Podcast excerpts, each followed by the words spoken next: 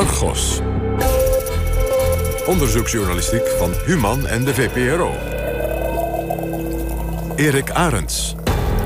Goedemiddag en welkom bij Argos. Hoe goed wordt Nederland eigenlijk bestuurd?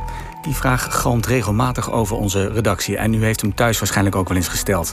In de kranten en op de radio en tv gaat het al een eeuwigheid over de ernstige naweeën van de toeslagenaffaire, de stroeve afhandeling van de schade door de gasboringen in Groningen en het nogal wankele coronabeleid, om maar een paar langslepende dossiers te noemen.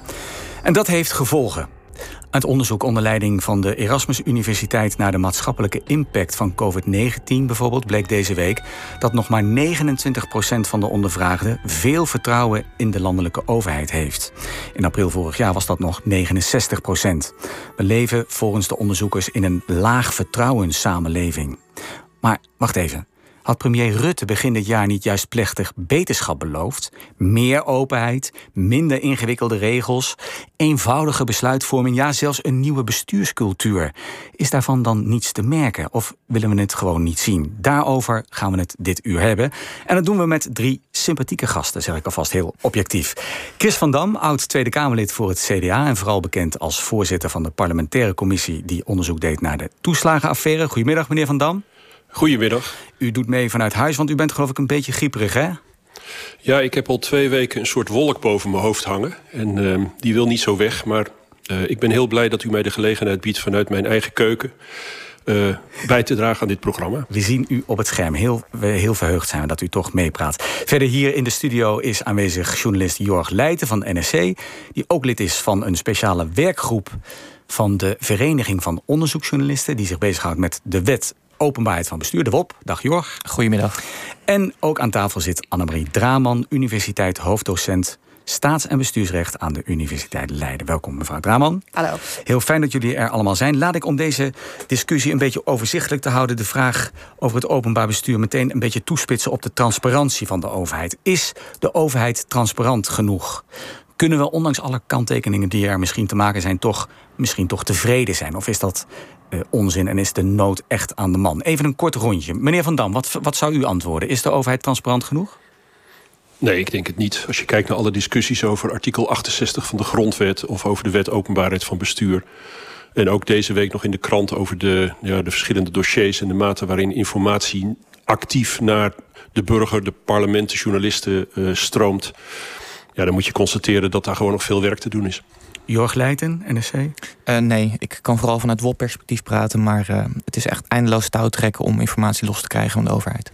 Kijkt u daar misschien iets anders tegenaan, mevrouw Draman? Nee, ik ben bang ook van niet. Je ziet dat het recht op uh, informatie nooit als grondrecht is opgenomen. Dus het is echt niet een fundamenteel onderdeel van de bestuurscultuur geworden. Nou, des te beter dat we het dan dit uur daar maar eens even over gaan hebben. Aanleiding voor de vraag is natuurlijk de toezegging eerder dit jaar van premier Rutte over de nieuwe bestuurscultuur. Het ging op een, om een opmerkelijke uitspraak die behoorlijk wat hoop op betere tijden wekte. Het woord is aan de minister-president. Goedemiddag. We zijn eensgezind. Als het hele systeem heeft gefaald, kan alleen gezamenlijk verantwoordelijkheid worden gedragen. En dat heeft tot de conclusie geleid dat ik zojuist de koning het ontslag heb aangeboden van het hele kabinet. Wat wij sowieso vaststellen is dat waar het gaat om de informatievoorziening naar Kamer, maar ook naar u als journalisten, wij dingen fundamenteel willen veranderen. Dat wij bij besluiten van het kabinet of bij wetgeving alle overwegingen, alle stukken die eraan te grondslag liggen, zullen delen. En we zullen ook de uitzonderingsgrond die de WOP nu kent... over persoonlijke beleidsopvattingen van ambtenaren, die gaan we schrappen. Ja, aldus Mark Rutte in januari van dit jaar. Chris van Dam, ja, deze belofte deed Rutte nadat uw toeslagencommissie had geconstateerd wat er allemaal misging in, in die toeslagenaffaire. Uw commissie concludeerde onder meer dat de informatievoorziening van de overheid uh, ernstig tekortschoot. Had u verwacht dat Rutte zou reageren met dit ja, soort grote belofte? Eerlijk gezegd niet, omdat in november voorafgaand aan de, wat u net uitzond, uh, uh, het kabinet bij monden van toenmalig minister, die was waarnemend minister Knops van Binnenlandse Zaken, een brief aan de Kamer schreef.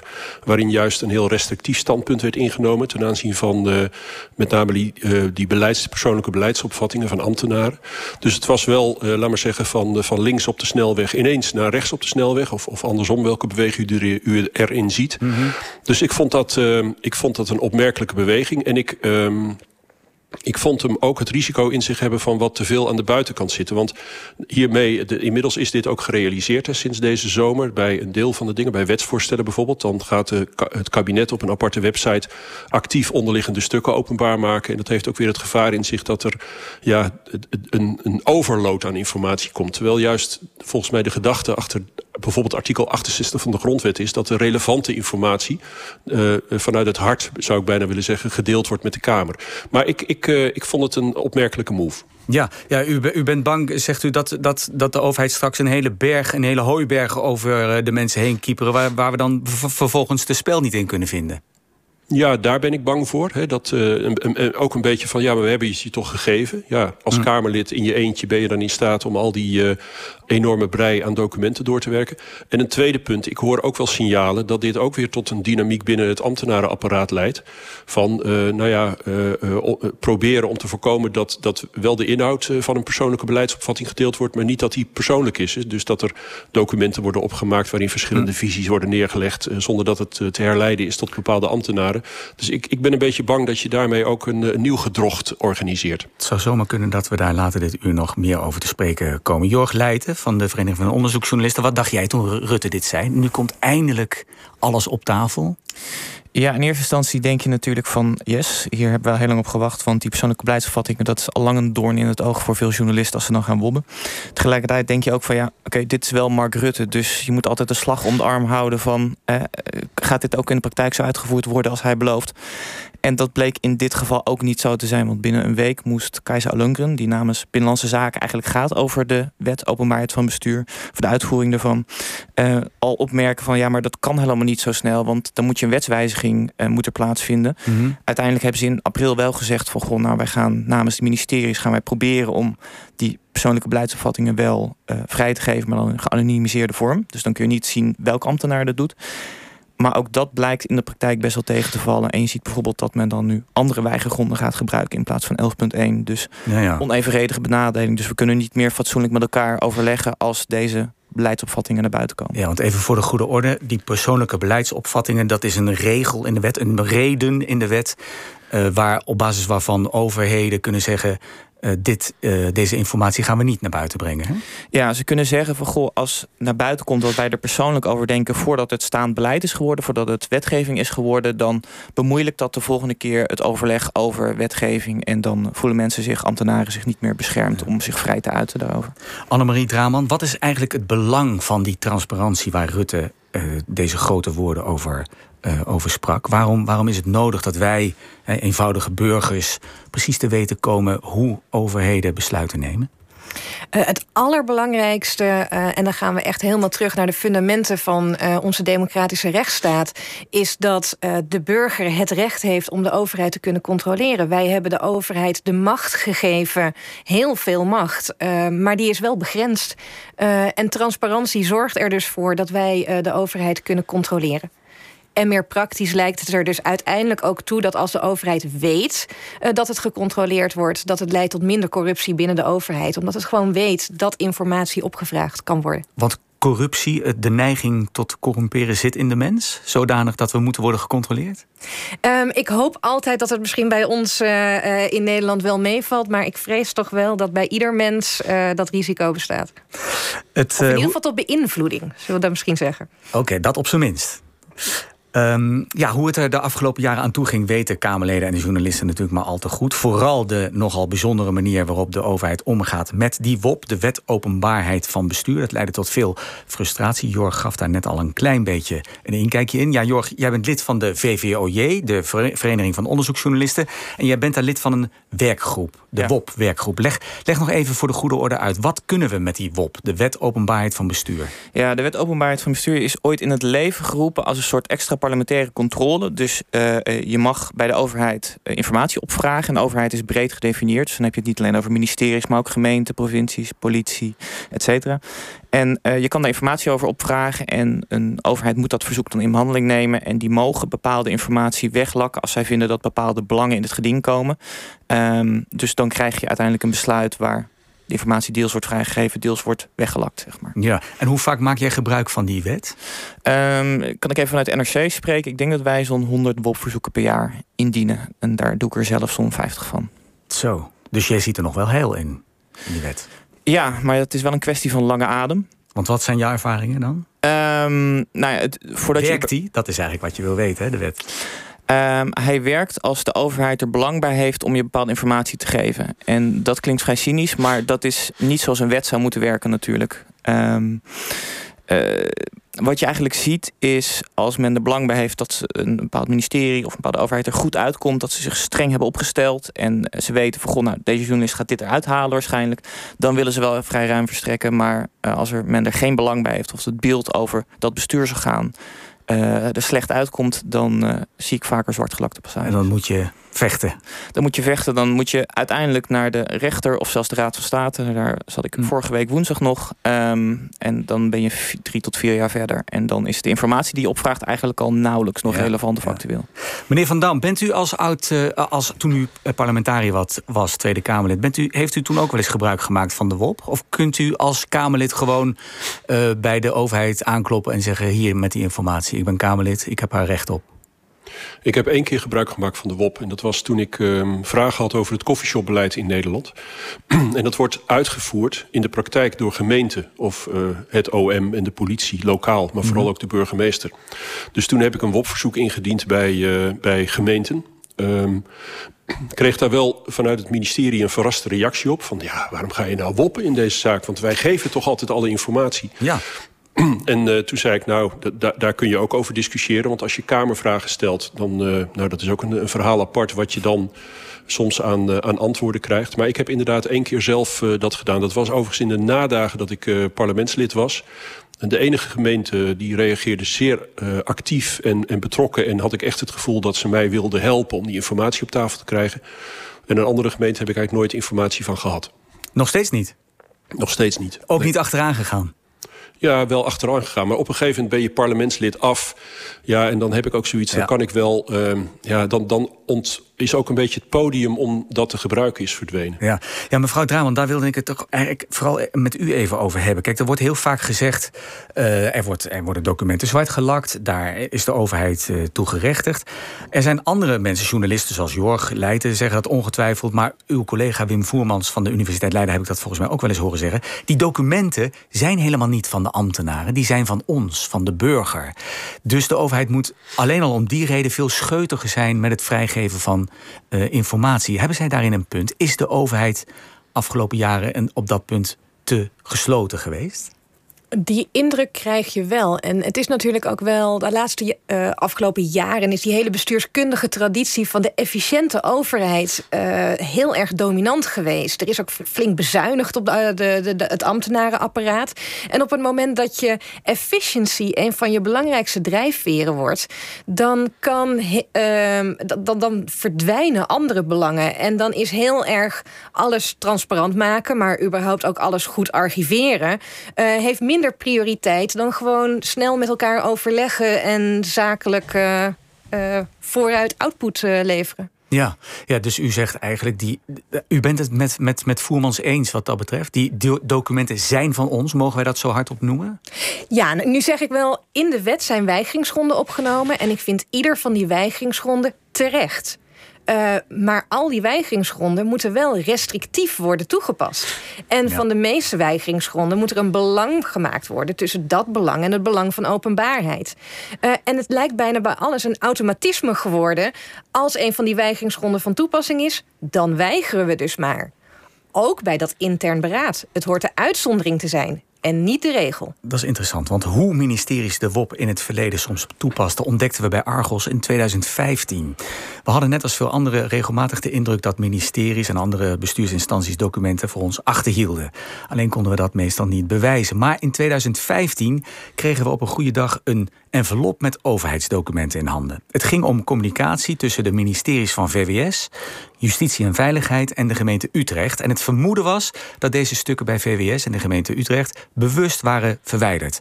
We hebben toen een WOP-verzoek gedaan om de proef op de som te nemen. En inderdaad, de ministeries en de gemeente zeiden dat alle overleg over het onderwerp mondeling was gegaan. Nou, ambtenaren die we daarna probeerden te benaderen hielden zich schuil of gooiden de hoorn op de haak. Maar uiteindelijk hadden we beet. En toen gebeurde er dit. Ik heb hier uh, een aantal documenten meegenomen. Het lijkt correspondentie te zijn tussen de gemeente Utrecht enerzijds... en aan de andere kant het ministerie van Veiligheid en Justitie... en het ministerie van VWS, waar u heeft gewerkt. Uh, kent u deze documenten? Ja, die heb ik zelf geschreven, onder andere. Mm -hmm. Wij hebben vernomen dat deze documenten door het ministerie van VWS en de gemeente Utrecht officieel zijn vernietigd. Zodat ze niet boven water zouden komen als iemand met een beroep op de wet openbaarheid van bestuur dit soort documenten zou uh, opvragen. Klopt dit? Ja. Ja, ik heb geen behoefte om daarover te gaan liegen. Uh, wat u zegt, uh, ik heb inderdaad uh, opdracht gekregen toen van mijn MT, het managementteam toenmalig, in 2014, om ervoor te zorgen dat deze documenten zouden verdwijnen. En waarom? Ja, dat is eigenlijk mij tot op de dag van vandaag niet heel duidelijk. Um, maar ja, het had inderdaad wel te maken met dat men voorzichtig angst had dat die documenten gewopt zouden worden. Hoe reageerde u? Ja, ik aanvankelijk nogal uh, uh, afwijzend. Ik heb gezegd, volgens mij mag dat helemaal niet. En dat, volgens mij, dat zou niet mogen op grond van de WOP juist. Hè. Dan zou je die documenten toch moeten houden. Maar toen was het de reactie vanuit het MT van... doe het nou maar. Het is gewoon een opdracht. En zorg ervoor dat het gebeurt. Ja, dat was even een inkijkje in de oude bestuurscultuur, zullen we maar zeggen. Want dit speelde zich af in 2015. Maar om te kijken of er in de tussentijd iets was veranderd, staken we de afgelopen weken opnieuw op ons licht op in de ambtelijke wereld. En spraken we met meerdere ambtenaren en oud-ambtenaren die al dan niet direct te maken hebben of hadden met de openbaarheid van bestuur. Liefst zouden we het natuurlijk met naam en toenaam voor de microfoon aan het woord laten, maar dat schijnt in Nederland vrijwel onmogelijk te zijn. Alle gesprekken vonden daarom plaats op basis van anonimiteit. En daaruit blijkt dat er sinds de belofte van Rutte over het algemeen helaas nog weinig is veranderd. De afgelopen tijd zijn mensen in mijn organisatie veel voorzichtiger met wat er op papier wordt gezet. Gevoelige thema's worden mondeling besproken en komen vervolgens ook niet in de notulen terecht. En in interne memo's staat steeds vaker een zinnetje als: deze alinea moet geschrapt worden in verband met een eventueel WOP-verzoek. Allemaal uit angst om te negatief in het nieuws te komen. Dat is echt iets van het laatste jaar. Je hoort regelmatig van collega's die zeggen dat de buitenwacht toch niet hoeft te weten dat bepaalde documenten bestaan. Men probeert met het minimale te volstaan en je moet telkens de vraag stellen: zouden er nog meer documenten kunnen zijn? Als ik merk ik mis bepaalde delen, dan ga ik daar achteraan. Maar daarbij moet je intern echt een gevecht voeren. Uit vrees voor totale transparantie zie je verdedigingsmechanismen op ministeries. Bijvoorbeeld dat consultancybureaus worden ingeschakeld om overheidsbeleid voor te bereiden. Consultancybureaus vallen namelijk niet onder de WOP. Ik ken WOP-ambtenaren die echt zijn afgemaakt omdat ze informatie naar buiten hadden gebracht die tot nieuwsberichten in de media leidden. Je krijgt dan echt onderuit de zak. Er heerst een cultuur van beschuldigen. Ja, en dan ontstaat onder ambtenaren natuurlijk de sfeer van better safe than sorry. Dan maak je voortaan liever wat meer documenten zwart dan dat je dit gedoe over je afroept. Ik verwacht dat we in de toekomst veel minder nota's naar de minister zullen sturen. En als er nota's geschreven worden, dan alleen onder de naam van de secretaris-generaal. Namen van lagere ambtenaren staan daar straks niet meer onder. En natuurlijk komen er wel veel non-papers en conceptnota's, want die hoef je niet naar buiten te brengen. Stukken blijven dus zo lang mogelijk hangen in de conceptfase. Twee jaar geleden moest ik enkele mails verzamelen voor een WOP-verzoek. En toen een medewerker van juridische zaken ernaar vroeg en ik vertelde wat ik gevonden had, zei hij: Dan druk je toch twee keer op delete? Dit alles staat haaks op de oproep van Rutte. Daar zie ik dan ook niets van terug. Het idee wordt wel verkondigd, maar het wordt niet daadwerkelijk gedragen. Wel woorden, geen daden. Ja, is er al iets te merken van de nieuwe bestuurscultuur die premier Rutte begin dit jaar beloofde? Daar hebben we het dit uur over met oud-CDA Tweede Kamerlid Chris van Dam, journalist Jorg Leijten en universitair docent staats- en bestuursrecht Annemarie Draman. Ja, wij werden eerlijk gezegd van, uh, van wat de ambtenaren ons vertelden bij Argos niet heel erg vrolijk van. Meneer van Dam, waar slaat u het meest op aan als u dit zo hoort? Nou, het is natuurlijk een heel treurig beeld wat u uh, zo schetst.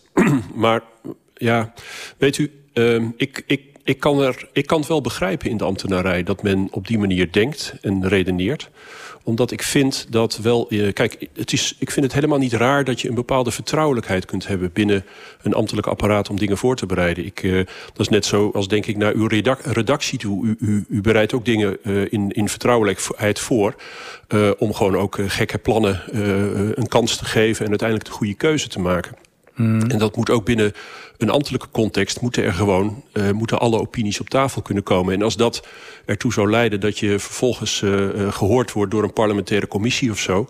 En dat je het dan allemaal moet uitleggen. Ja, ik kan me die angst wel voorstellen. En waar ik gewoon in dit hele verhaal, het is echt een slecht beeld wat u schetst. Maar als we tot een oplossing willen komen, dan zul je het breder moeten bekijken dan alleen het ministerie. Dan moet je ook kijken naar wat andere spelers hier doen. Wij hebben als parlementaire ondervragingscommissie hebben gezegd... de staatsmachten moeten in hun spiegel kijken.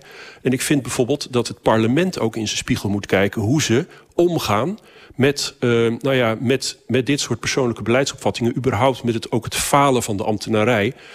Is het dan zo dat je daar altijd hard op inhakt... Of uh, geef je het voorbeeld door ook eens naar je eigen functioneren te kijken? En dat ontbreekt totaal. Dus ik kan mij wel voorstellen dat men denkt... ja, het is wel gesneden. Mm. Wij zijn het haasje uiteindelijk, jullie niet. Dus uh, ja. we gaan voorzichtig doen. Maar het is wel totaal fout. Jorg Leijten, reageer daar eens op. Ja, nou ja, ik vind het echt schokkend wat ik hier hoor... wat die ambtenaren mm. uh, zeggen. Kijk, Um, volgens mij vindt niemand het erg als er een keer een fout wordt gemaakt. En als je daar eerlijk over bent. Um, de, zowel politici niet als, als media.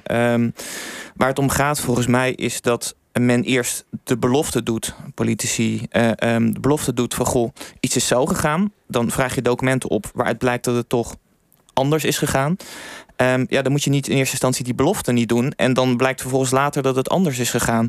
Dus um, ik zou juist zeggen, wees gewoon vooral veel meer transparant. En dan hoef je ook niet, dan ga je ook niet nat op dit soort dingen. En dan word je ook niet afgestraft. En dan hoeft die angst ook niet te ontstaan. Want op deze manier voed je vooral het wantrouwen wat um, nou ja, de burger volgens mij... We hoorden in het begin van de uh, uitzending... had je het over dat onderzoek van de Erasmus Universiteit. Ja. Voed je ook dat wantrouwen wat er steeds meer komt richting de overheid. Van nou, ze, ze durven niet, ze willen niet. Um, ja, mevrouw Draman, ja, wantrouwen. Het woord is hier uh, al, al een paar keer gevallen. Dat is, geloof ik, uh, funest hè, voor de rechtsstaat, voor de democratische rechtsstaat. Als de burger geen, geen vertrouwen heeft in de overheid. Kunt u uh, uitleggen waar, waarom dat zo belangrijk is? Want je zou je zou bijvoorbeeld dit, dit, dit wantrouwen uh, kunnen veranderen door juist meer documenten naar buiten te brengen. Of juist niet. Hoe werkt dat? Um, er zit wel een wisselwerking tussen. Um, wat heel interessant is, is dat een aantal jaren geleden heeft een Utrechtse onderzoeker uh, een experiment gedaan. Uh, waarbij hij uh, burgers verschillende documenten heeft voorgelegd, dus verschillende testgroepen. Um, en in de ene testgroep kregen ze heel veel informatie over gemeentelijk luchtkwaliteitsbeleid. En een andere groep kreeg heel weinig informatie. En hij wilde precies weten wat voor gevolgen dat zou hebben in het vertrouwen. Ja. En een van de uitkomsten van dat experiment was dat de groep die alles zag, minder vertrouwen kreeg in de overheid.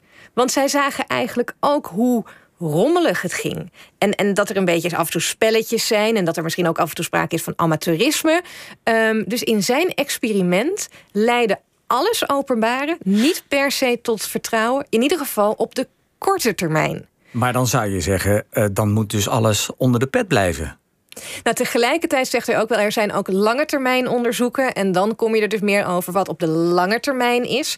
Uh, dat het er dus toe leidt uh, dat er veel minder corruptie komt. En dus vandaar dat je wel een onderscheid moet maken even tussen een korte termijn effect en een lange termijn effect. En het komt er ook bij, nou ja, misschien moeten we het experiment overnieuw doen. Want ja. toen hij het experiment deed, was er veel vertrouwen in de overheid. Uh, hij bijna onrealistische verwachtingen van hoe de overheid werkt. en eigenlijk door al die, ja, nu zou je zeggen, e-mailtjes en andere dingen openbaar te maken, zie je dat het eigenlijk ja, ook maar gewoon mensen zijn.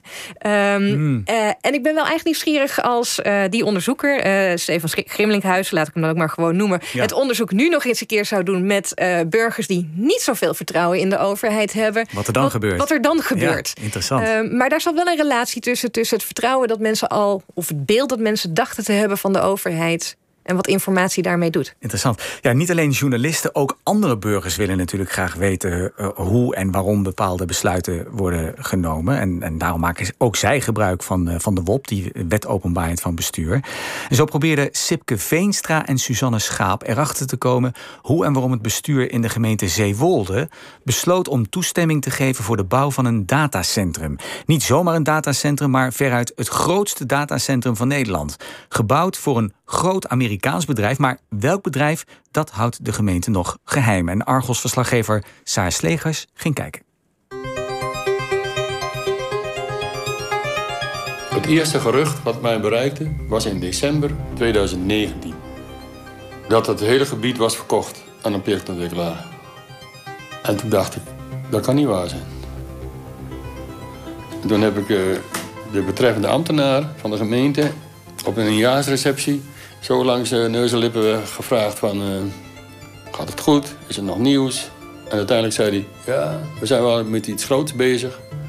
Maar daar kan ik nog niks over zeggen.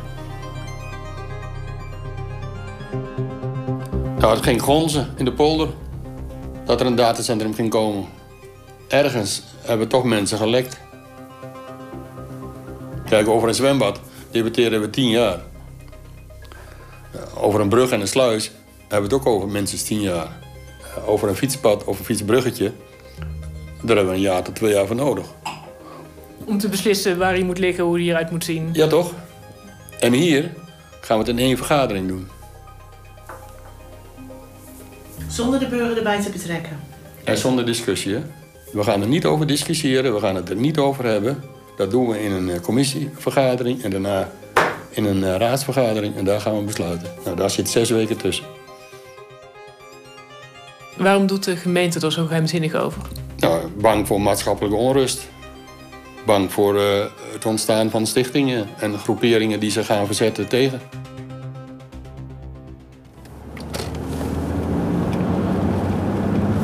Dit is een recyclingbedrijf.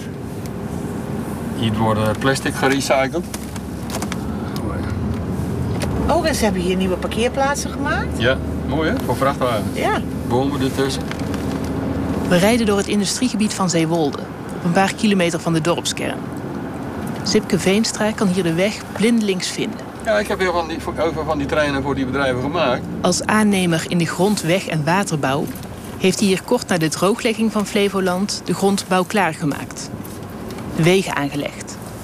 Maar inmiddels is hij alweer een poos gestopt. En hij maakt zich zorgen. Kijk, hier gaat het gebeuren. Midden in het veld. Wat voor ons ligt is het terrein voor het datacentrum.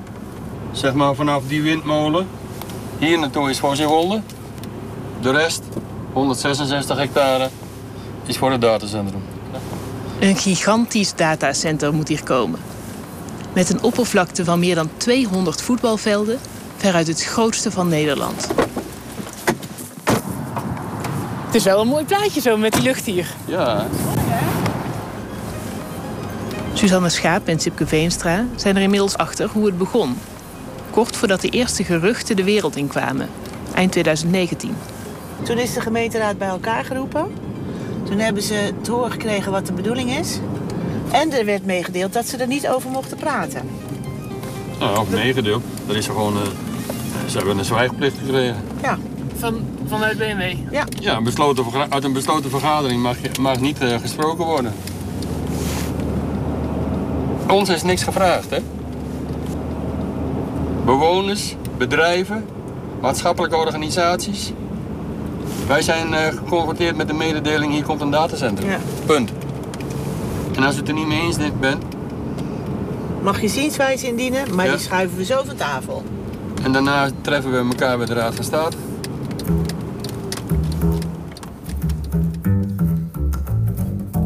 Ja, kijk, dit is een actie van het grondbedrijf van de gemeente Zeewolde. En eh, ik heb goed inzicht hoe dat grondbedrijf opereert. Waar het wel goed gaat, waar het misgaat. En dit is nou eigenlijk de grootste misser, in mijn ogen dan, die je als grondbedrijf kan maken. Dat is dat je je toekomstige uitbreiding, je toekomstige werkgelegenheid, verpatst voor een handvol dollars aan een Amerikaan die er een datacentrum neer gaat zitten, wat geen werk oplevert. De voorbereidingen voor het datacenter zijn al in volle gang. De boeren zijn uitgekocht. En de gemeente heeft zelfs nestkasten geplaatst voor vogels en vleermuizen. Voor als straks de boerderijen zijn gesloopt. Het lijkt erop alsof alles al in kannen en kruiken is. En dat terwijl de gemeenteraad nog geen goedkeuring heeft gegeven aan de wijziging van het bestemmingsplan. Van A tot Z is de burger niet meegenomen. En daarom wilden we het openbaar maken. Niemand. Geen ondernemer, Niemand. geen maatschappelijke organisatie. We hebben hier met z'n allen 37 jaar aan Zeewolde gewerkt. En nu komt er een moment dat één wethouder en één ambtenaar van het grondbedrijf beslissen: hier komt een datacentrum. Dus deed Suzanne Schaap namens de stichting Datatruc Zeewolde een WOP-verzoek. De informatie waarin ze geïnteresseerd was? De correspondentie tussen de partijen, gemeenteraadsleden, derden, waar, die, waar alles wat te maken had met het datacenter. Van december 2019 tot heden. De termijn verstreek. De gemeente vroeg uitstel aan.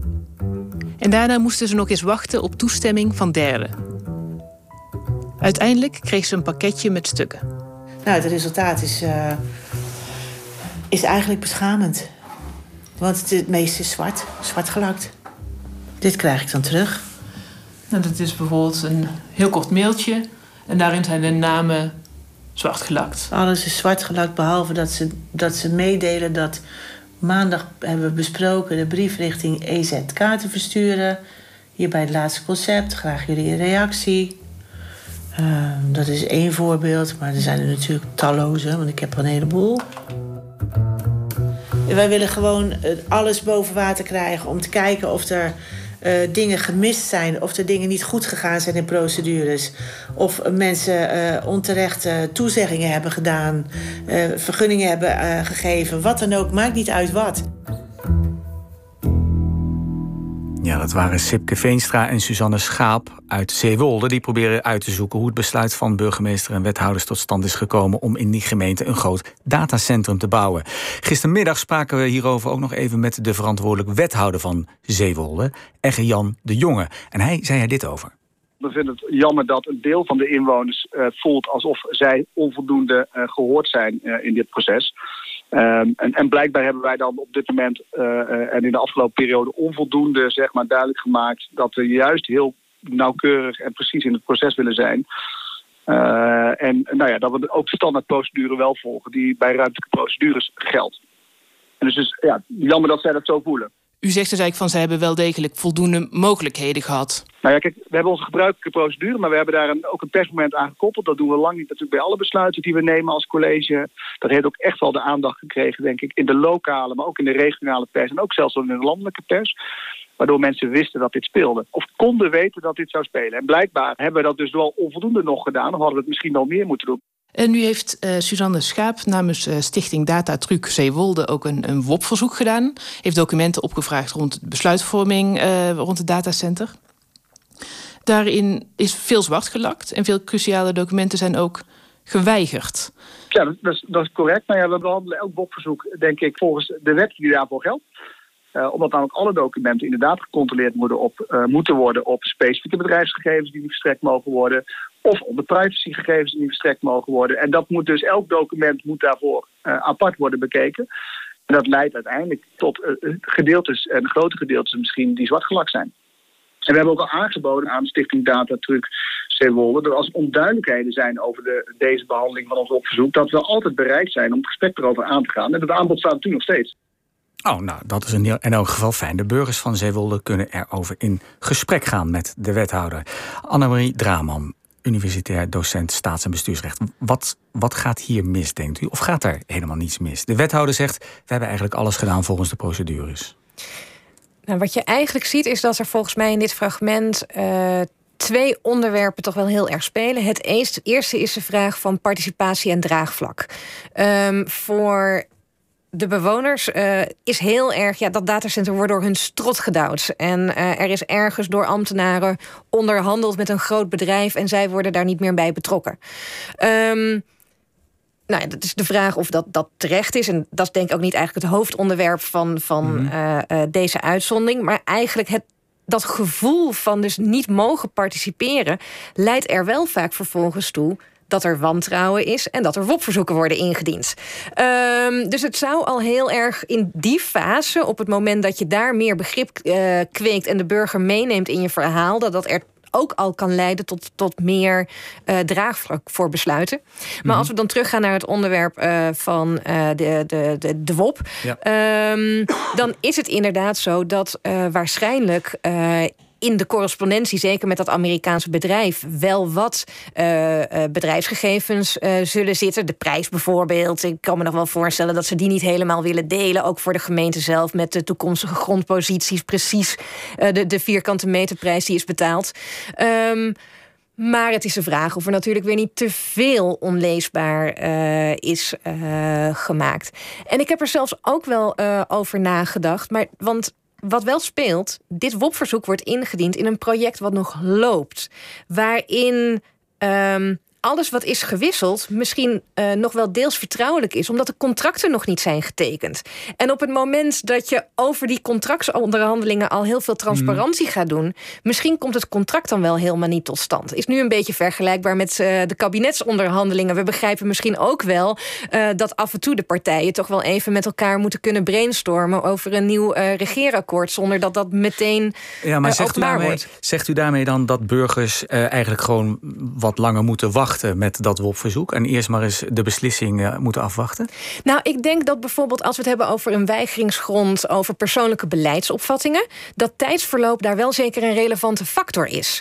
Uh, want zeker op het moment dat dus bijvoorbeeld het besloten is dat dat datacenter er komt, ja, waarom kun je dan die spullen niet openbaar maken? Hmm. Maar dat je misschien gedurende de contractsonderhandelingen zegt, nu nog even niet. Dus tijdsverloop kan zeker een relevante factor zijn. Hmm. Um, en ik zie helaas die afweging vaak niet terugkomen in WOP-besluiten. Heel even, ik ga, kom zo bij jou, Jorg. Ik wil heel even aan meneer Van Dam uh, vragen. Want ja, u, u, meneer Van Dam, als oud-volksvertegenwoordiger... wat, wat zou u uh, de politici in Zeewolde adviseren in deze kwestie? Of zegt u, dit is eigenlijk helemaal volgens de regels gegaan als ik dit zo hoor? Nou, dat is bijzonder moeilijk om daar uh, op deze zaterdagmiddag vanuit mijn keuken even snel een oordeel uh, over te hebben. Maar kijk, wat mij opvalt in deze kwestie, dat is, uh, of laat ik het zo aanvliegen. natuurlijk, we hebben het vanmiddag vooral over die wet openbaarheid bestuur. En hoe ver de overheid als onderdeel van die nieuwe bestuurscultuur laat zien dat, ze, dat ze daarin nou ja, echt op een andere manier het doet. Maar je moet dat ook zien in het licht van andere dingen die spelen. Ik, ik had het net al over bijvoorbeeld de rol van de Tweede Kamer daarin, hè, richting de ambtenarij. Maar in dit, in, in dit geval, wat ik net beluisterde, verbaas ik me er zeer over dat de gemeenteraad zich kennelijk uh, helemaal, nou ja, laat ik het maar zo zeggen, met, met, de, met de beperkte informatie die ik er nu over heb, monddood heeft laten maken. Die mogen er niet over praten. Ja. En dat vind ik toch echt heel opmerkelijk. Uh, en zeker naar burgers in een samenleving die zich zorgen maken over wat er gebeurt. Kijk, in de, in de informatievoorziening vanuit, um, uh, als ik dan naar de Tweede Kamer ga, artikel 68, uh, spelen, staat in die wet die persoonlijke beleidsopvattingen helemaal niet zo uitdrukkelijk benoemd. Dat is meer een WOP-argument. WOP in de loop van de tijd heeft uh, het kabinet, heeft, laat maar zeggen, die argumentatie of die criteria uit de WOP zo ongeveer identiek gemaakt aan, uh, aan wat er bij artikel 68 geldt. En mm. daar zijn ze nu vooral ook van op teruggekomen. Maar het kan toch niet zo zijn bij zo'n groot project in, in zo'n relatief kleine gemeente... dat een, een, een gemeenteraad uh, ja, zich eigenlijk helemaal buitenspel lijkt te ja. zetten... Over wat er is en wat er gebeurt. Ik wens ze allemaal heel veel sterkte bij de gemeenteraadsverkiezingen de komende tijd. Ja, dat, dat moeten, laten we dat sowieso onderschrijven. Jorg, Jorg Leijten, jij hebt ook die WOP-documenten bekeken hè, van uh, deze mensen. Wat, wat, hebben zij een punt als ze zeggen... ja, hier kunnen we helemaal niks mee, het is allemaal, allemaal zwart gelakt? Uh, ja en nee. Voor wat betreft de zwartlakkingen, kijk, uh, je mag namen van ambtenaren tot een bepaald niveau gewoon weglakken en zo. Dus ik snap dat daar misschien wat onbegrip over is, maar dat is niet helemaal uh, tegen de wet. Wat ik wel zie in het besluit is, um, er wordt heel veel gewoon geheel geweigerd op basis van die persoonlijke beleidsopvattingen. Nou, ik hoorde net aan mijn linkerkant gezegd van goh, ja, ik kan me voorstellen dat op mensen zo'n proces nog loopt, dat je daar niet per se transparant over wil zijn. Maar daar heb je allerlei belangen voor. Uh, bedrijfs- en fabrikagegevens mag je weglakken. Stel dat het onevenredig benadelend is, maar dat gaat juist niet over die persoonlijke beleidsopvattingen. Die persoonlijke beleidsopvattingen worden, nou ja, in, in meer dan de helft van de documenten worden die in zijn geheel geweigerd, omdat daar persoonlijke beleidsopvattingen in staan. Dan kijk je naar de lijst van documenten en dan zie je ja, een weekjournaal Zeewolde. Um, um, is een mailtje over en, weer, over en weer.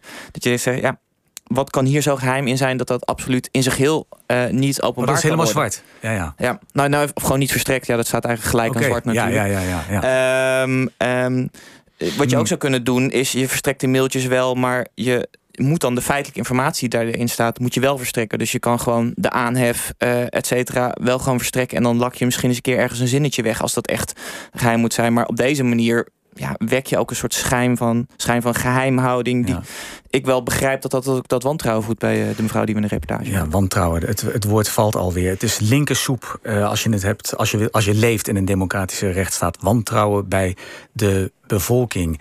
Um, we gingen daarover ook weer te raden bij de uh, ambtenaren die wij vertrouwelijk spraken. Bijvoorbeeld over de vraag waarom er uh, bestuurs uh, instanties, bij bestuursinstanties de wens bestaat om een niet al te grote openheid te betrachten. En wat mij daarin opvalt is dat deze ambtenaren regelmatig tegen ons zeggen dat hun angst voor al te grote openbaarheid niet zozeer te maken heeft met het toedekken van fouten of schandalen, maar met intern gedoe, zeggen zij. Het, is, het gaat om de context van de mondelinge overleggen die hebben plaatsgevonden.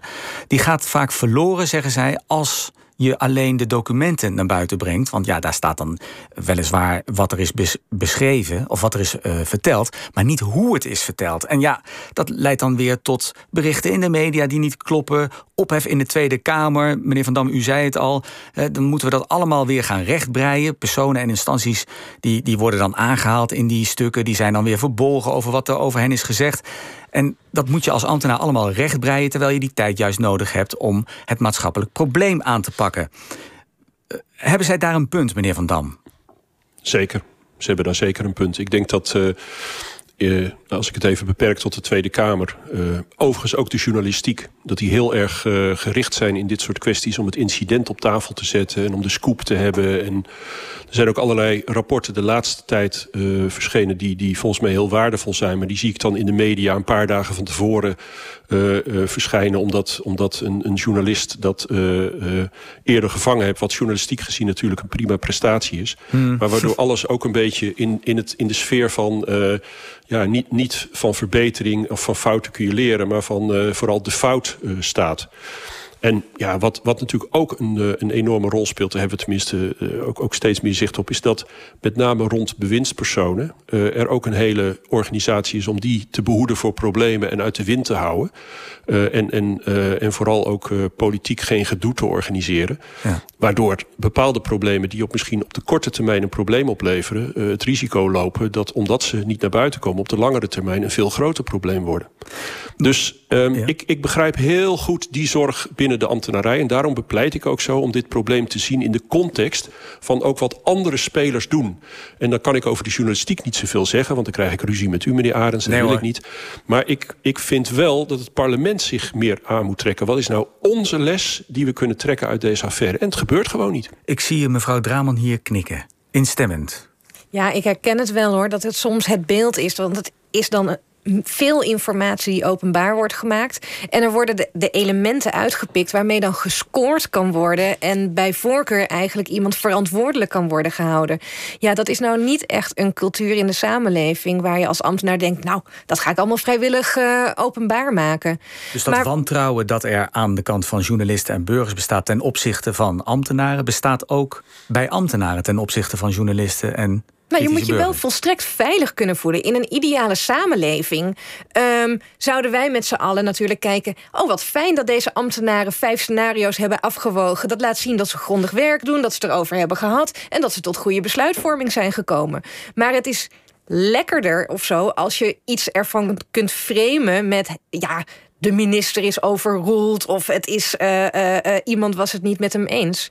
Maar mag ik één ding ja? nog aanvullen aan wat je zei? Want je zei um, dat ambtenaren soms aangaven dat context verloren gaat. Er is natuurlijk geen verbod om die context te leveren.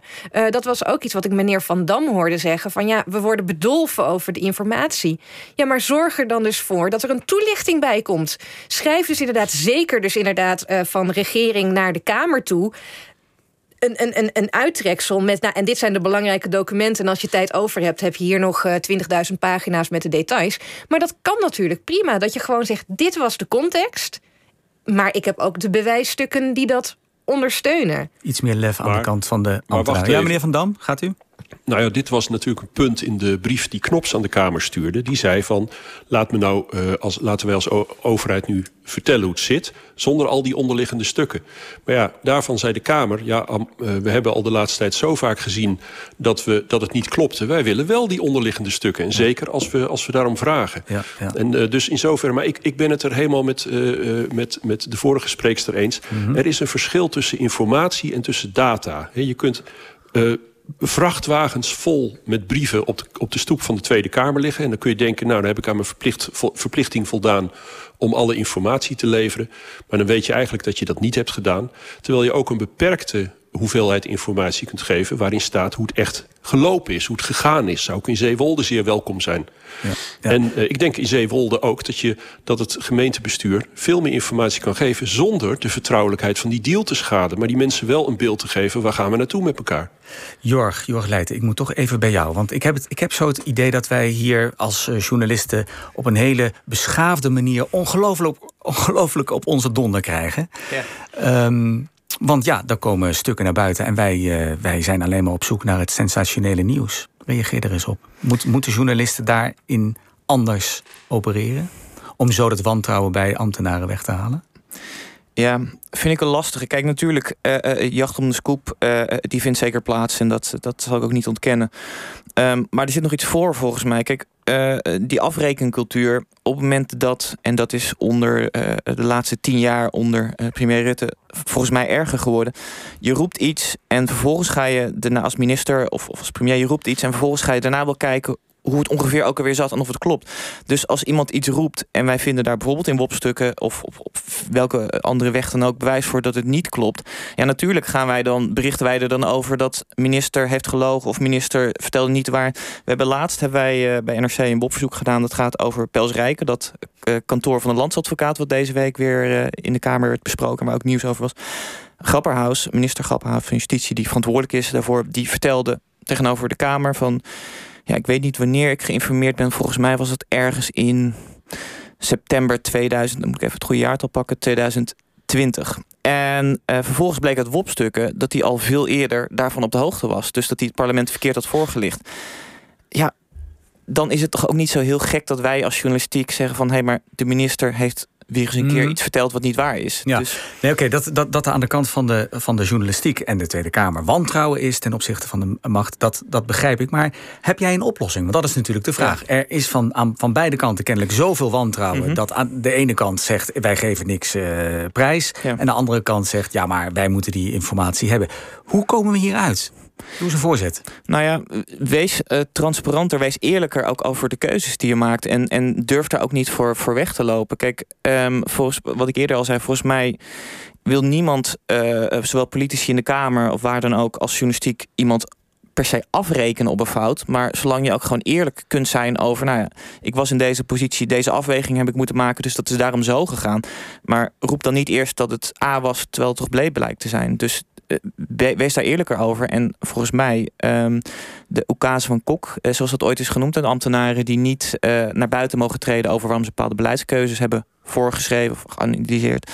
Um, volgens mij zou daar ook uh, een stukje in zitten dat zij gewoon ook weer meer uitleg mogen geven over waarom je bepaald beleid hebt voorgesteld. Mevrouw Draman, u, u, deed onderzoek onder andere in Zweden. Hè? Daar kijken wij altijd heel, met heel veel plezier naar als het gaat om openheid. Kunnen we daar iets van leren? Nou, wat je ziet is, aanhakend op wat uh, de vorige spreker net zei, is daar hebben ambtenaren een vrijheid van meningsuiting. Um, en het uh, recht op informatie is ook als grondrecht vastgelegd. Dus je ziet dat daar openheid veel meer als basisgedachte is neergelegd. Tegelijkertijd is daar ook weer niet alles heilig hoor. Want zij maken alleen maar officiële documenten openbaar. Dus alles wat tussen ambtenaren onderling wordt gedaan.